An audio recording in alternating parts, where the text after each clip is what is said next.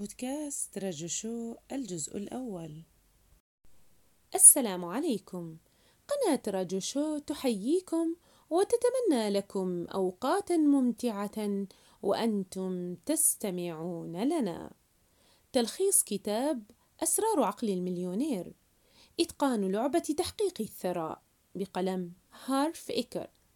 إعداد وإشراف رجاء حمدان.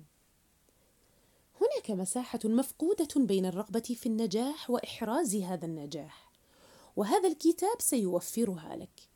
واعلم أن كل ما تتعلم وتعرف وتفعل لن يكون ذا فرق يذكر إذا لم يكن مخططك المالي صمم من أجل النجاح. الجزء الأول مخططك المالي لا يكفي أن يكون المكان والوقت مناسبين لأجل النجاح بل لابد أن يكون الشخص المتواجد فيهما مناسبا كذلك. ومن الأشياء التي تحدد مستوى نجاحك معتقداتك وشخصيتك وطريقة تفكيرك. وللثراء مبادئ كثيرة ستمر بنا في هذا الكتاب ونستعرضها من خلال أجزائه وملفاته. ومنها أنه بقدر عملك سينمو ويكبر دخلك. والحديث عن المخطط المالي حديث ذا أهمية. لأن قدرتك الداخلية هي السبب في المحافظة على كمية كبيرة من المال.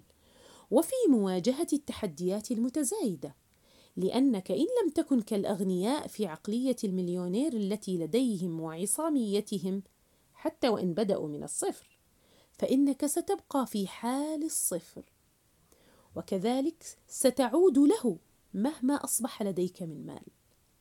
وإذا ما رغبت في تغيير الأمور المرئية من الجميع فعليك اولا أن تغير وتهتم بالأمور الغير مرئية.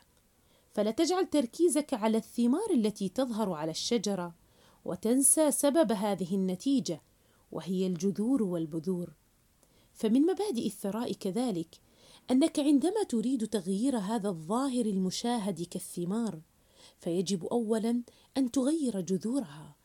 ولا تندفع خلف مقولة البعض إنك لن تصدق إلا ما تراه. واعرف أن كل ما هو أسفل الأرض ينتج ما فوق الأرض. ومن المهم أن تعلم أن العالم المادي هو نتيجة لعوالم ثلاث أخرى هي العقلي والوجداني والروحي ومن أهم الأسرار للتغيير التصريحات وهناك فرق بين التصريحات والتأكيدات. فالتصريح يتخذ شكلا أكثر جدية ورسمية متبنيا موقفا. تعلن فيه أنك تنوي فعل أمر محدد وهو توجه لهذا الفعل في المستقبل. ولكن التأكيد يعني أن الهدف المنشود قد بدأ في الحدوث. وإذا ما أكدت شيئا ليس حقيقيا فإن عقلك سيكذبه ويرفضه. فأطلق تصريحاتك بصوت عال ولا تخف.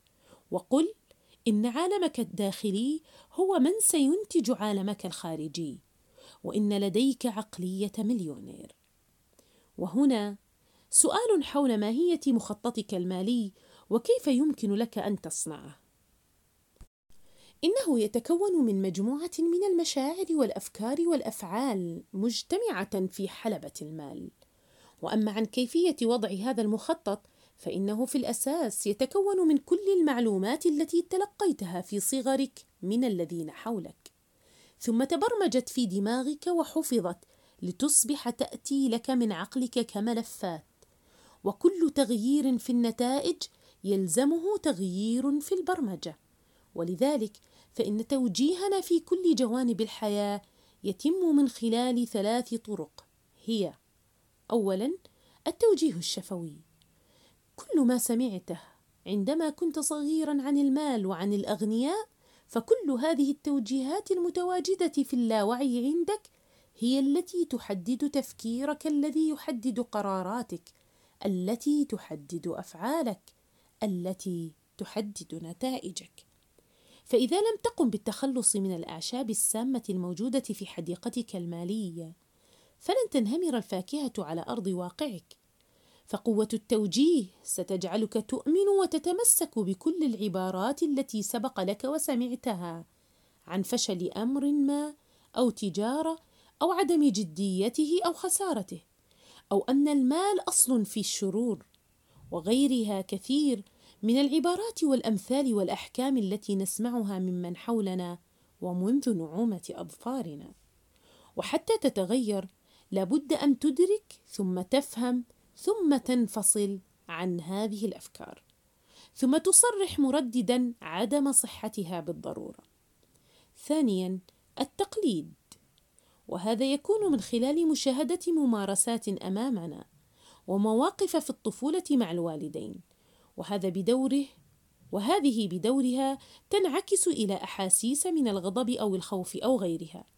فهذه الدوافع كلها لن تجعلك سعيدا بأموالك. واحرص على جعل مخططك المالي من أجل النجاح حتى لا تصبح فاشلا ماديا للأبد. ففكر وافهم وقرر أن لك طريقك فيما يخص المال وأنك لا تقلد طريقة والديك. الطريق الثالث التأثير الثالث الأحداث الخاصة. فكل التجارب والمواقف التي مررنا بها في صغرنا فيما يتعلق بالمال والثروة تشكل معتقداتنا التي قد يكون أكثرها أو كلها مجرد أوهام. فلا بد أن تتخلى عن كل هذه التجارب المالية الماضية التي لا تدعمك وتجعل لك مس وتجعل لك بعد ذلك مستقبلا جديدا. وهنا نصل إلى أن الطريقة التي تغير نجاحك المالي فعلا للأفضل هي إعادة ضبط ماليتك أو مخططك المالي. ولا تجعل توجيهات الماضي تتحكم بك بل راقب أفكارك وأفعالك واختر أنت. الجزء الثاني ملفات الثراء. نهاية الجزء الأول بودكاست رجو شو. إلى اللقاء في الجزء الثاني.